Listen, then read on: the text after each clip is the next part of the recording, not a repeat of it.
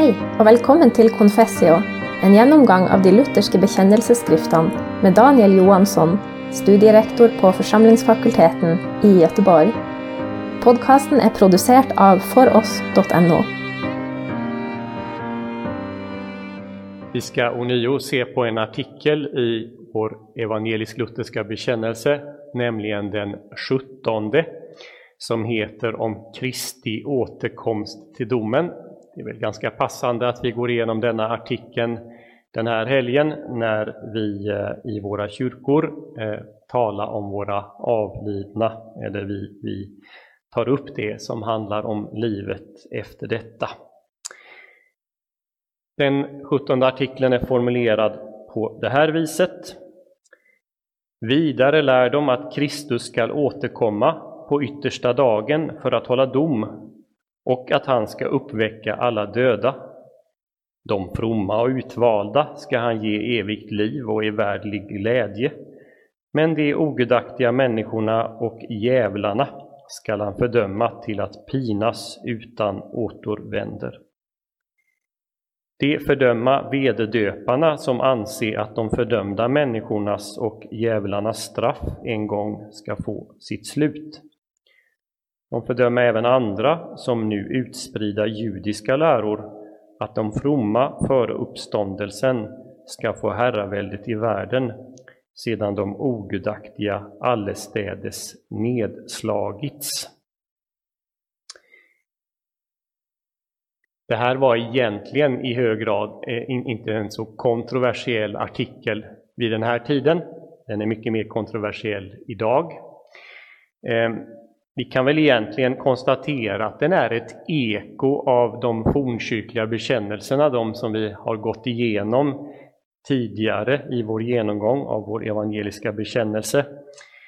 Bekännelsen om Kristus avslutas ju normalt sett med en bekännelse till hans återkomst till domen. I den apostoliska bekännelsen så bekänner vi, sittande på allsmäktig Gud Faders högra sida, därifrån igenkommande i härlig, eh, till att döma levande och döda. Och i Nicenum är det nästan likadant, därifrån igenkommande i härlighet till att döma levande och döda, på vilkens rike inte ska vara någon ände. Och även alldeles i slutet på Atanasianum, det står om Kristus att han har uppstigit till himlarna, sitter på Faderns högra sida och ska därifrån komma igen till att döma levande och döda. Vid hans tillkommelse har alla människor att uppstå med sina kroppar och de ska avlägga räkenskap för sina gärningar. Och de som gjort gott ska ingå i det eviga livet och de som gjort ont i den eviga elden. Vi kan höra ekon av alla tre de här bekännelserna i artikel 17. Man kan också jämföra med vad Luther själv skriver i sin egen trosbekännelse som han formulerade två år tidigare, 1528. Då skriver han där att de onda, djävulen och hans änglar ska evigt dö. Och i Marburg-artiklarna som formulerades strax före mötet i Augsburg Kristus ska straffa de ogudaktiga och evigt fördöma dem tillsammans med djävlarna, står det. Som sagt, eh, man hade egentligen inga oenigheter med de medeltida teologerna, med påvens teologer, när man formulerar den här artikeln. Men den är mer aktuell idag och något av det som kanske möter idag dök också upp vid den här tiden. För artikeln eh, fördömer anabaptisterna, eller åtminstone en del av dem. Två stycken kan vi nämna vid namn. En heter Hans Denk och en annan heter Melchior Rink. De lärde att alla, men alla varelser, eh, åtminstone änglar och människor, ska bli frälsta till slut. Eh, och när de gjorde det så återknöt de till en tanke som fanns i fornkyrkan och som ofta har blivit förknippad med Origenes, han lär ha lärt något som kallas för apokastasis, nämligen alltings återupprättelse. Att vilket innebär att även djävulen till sist ska bli återupprättat. Och det var så i den första versionen av den Augsburgska bekännelsen att Origenes faktiskt nämndes vid namn. Nu är det faktiskt så att alla menar inte att Origenes lärde så egentligen utan att det är en lära som han har blivit pådyvlad av sina kritiker. Så vi vet inte säkert om han gjorde det, han har blivit associerad till den läran i alla fall. Men den uppfattningen att alla människor, att alla skapade varelser, åtminstone säger jag igen, eh, änglarna då, som djävulen är en fallen ängel, och människorna ska bli eh, eh, återupprättad eller att straffet ska ta slut en gång. Det är något som den evangeliska bekännelsen avvisar. Den tredje saken som den här tar upp, som väl också i någon mån är aktuell, eh, det är att man avvisar etablerandet av ett fromt, ett gudsrike här på jorden. Eh, Nämligen den tanken då att eh, de fromma så småningom ska få världsherravälde och att det ska äga rum innan uppståndelsen från de döda. Det hade varit aktuellt i och med Thomas Münzers bondeuppror eh, 1525. Då ville han ju att de fromma skulle upprätta ett gudsrike på jorden. Och det blev efter den Augsburgska bekännelsen i allra högsta grad aktuellt i staden Münster 1535 när just Anna anabaptister lyckades på demokratisk väg ta makten i staden och sedan införa ett teokratiskt styre. Sen gick det överstyr och det fruktansvärdaste och när man läser om det så påminner det om dagens beskrivningar om hur det såg ut i de områdena där IS styrde i Mellanöstern. Det som förmodligen också avses, även om det inte sägs uttryckligen, det är tanken på ett jordiskt tusenårsrike, alltså att man gör en bokstavlig tolkning av orden som står i Uppenbarelsebokens tjugonde kapitel och att ett sådant rike bestående under tusen år ska upprättas här på jorden innan Jesu återkomst.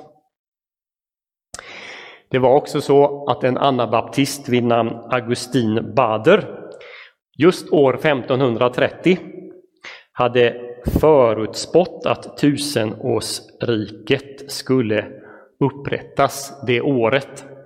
Så att man hade alltså, när man skriver den här bekännelsen så har man ett exempel på en som har förutspått att tusenårsriket ska upprättas, men det har inte gått i uppfyllelse utan det visade sig att profetian var falsk några månader tidigare. Konfrontationen, alltså de påvliga teologernas svar på den här punkten, har ingenting att tillägga utan man instämmer i den helt och fullt. Och eh, Melanchthon han skriver ingenting mer om det i sin apologi utan han upprepar bara precis det som han har sagt.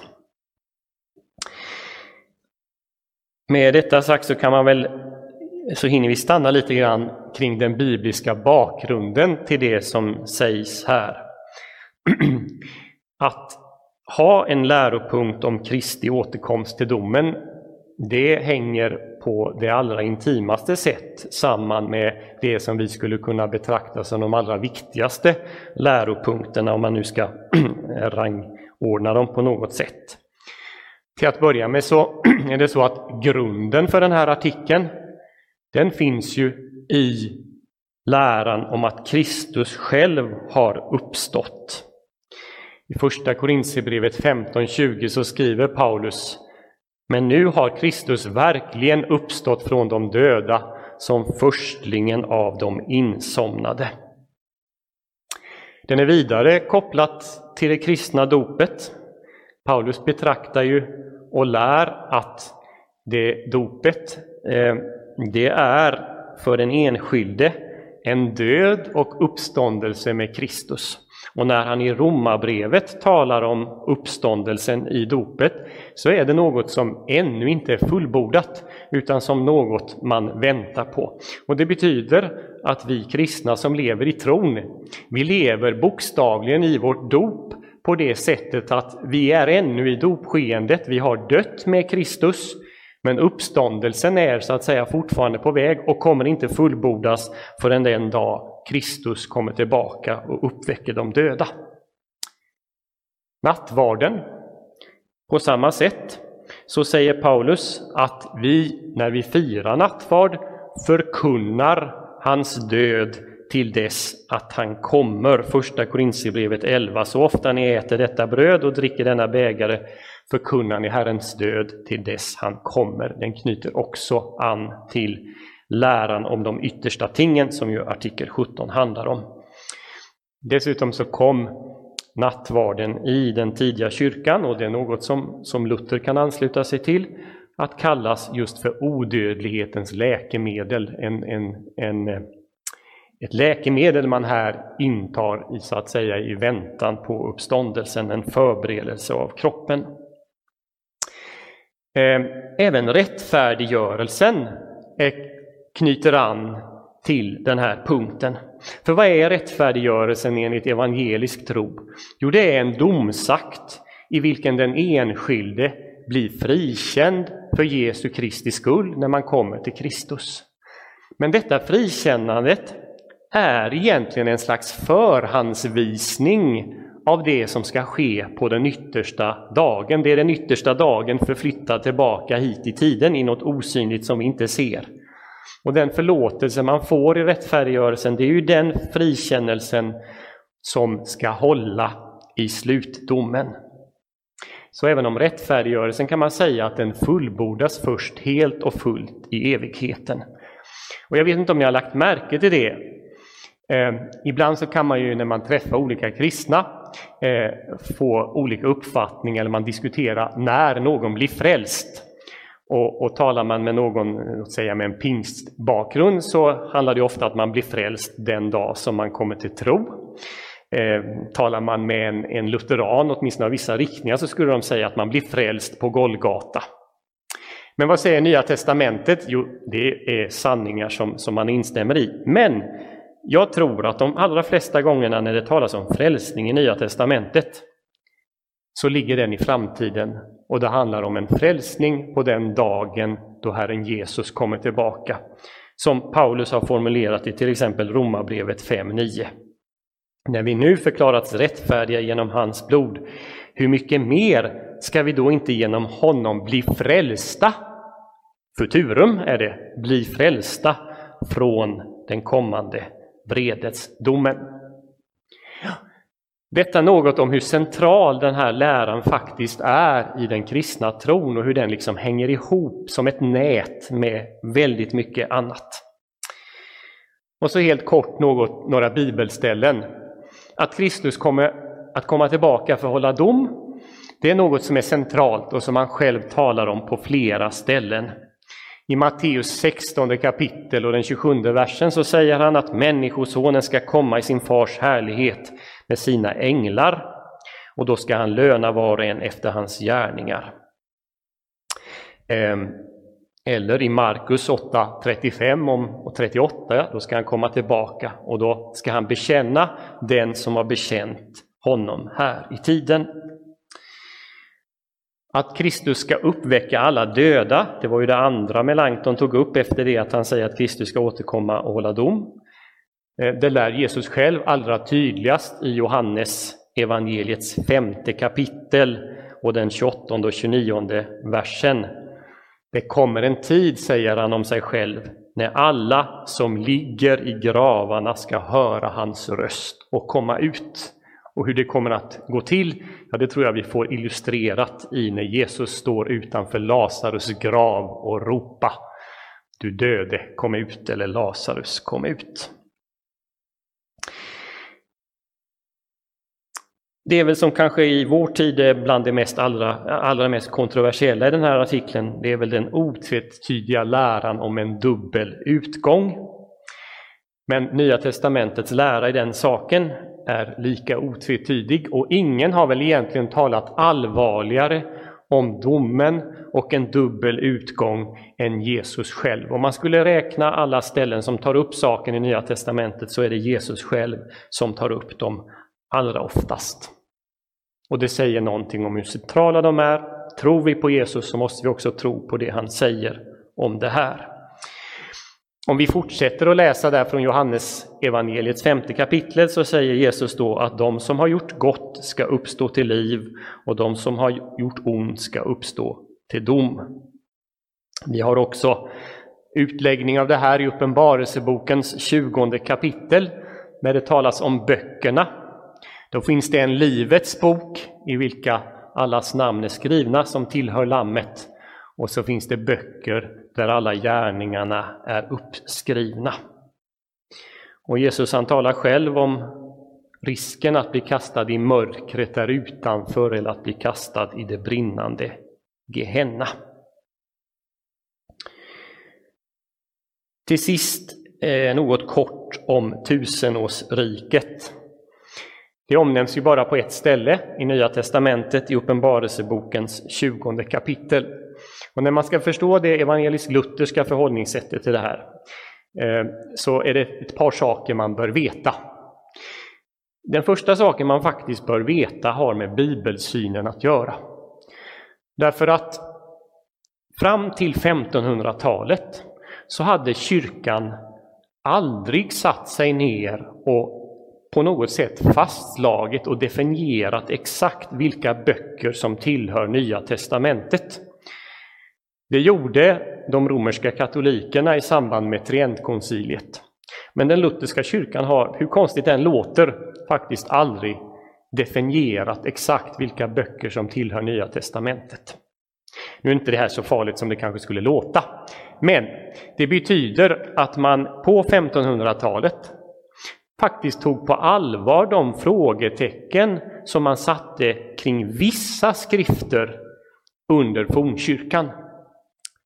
Och så satte man upp en regel att de skrifter som har något frågetecken med sig från fornkyrkan, och till dem hör Uppenbarelseboken, från de skrifterna ska vi inte lä hämta en lära om den bara kan beläggas i just denna skrift.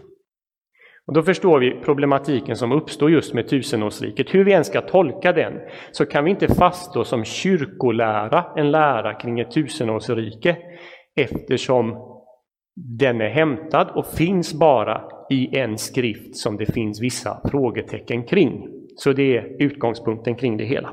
Men sen kom man i den tidiga lutherdomen att ansluta sig till det som är bland annat Augustinus tolkning av orden i Uppenbarelseboken 20, nämligen att de tusen åren det talas om, de ska uppfattas symboliskt och de handlar om kyrkans tid, det vill säga om tiden från det att Kristus upptogs till himmelen fram till den dag han återkommer i härlighet.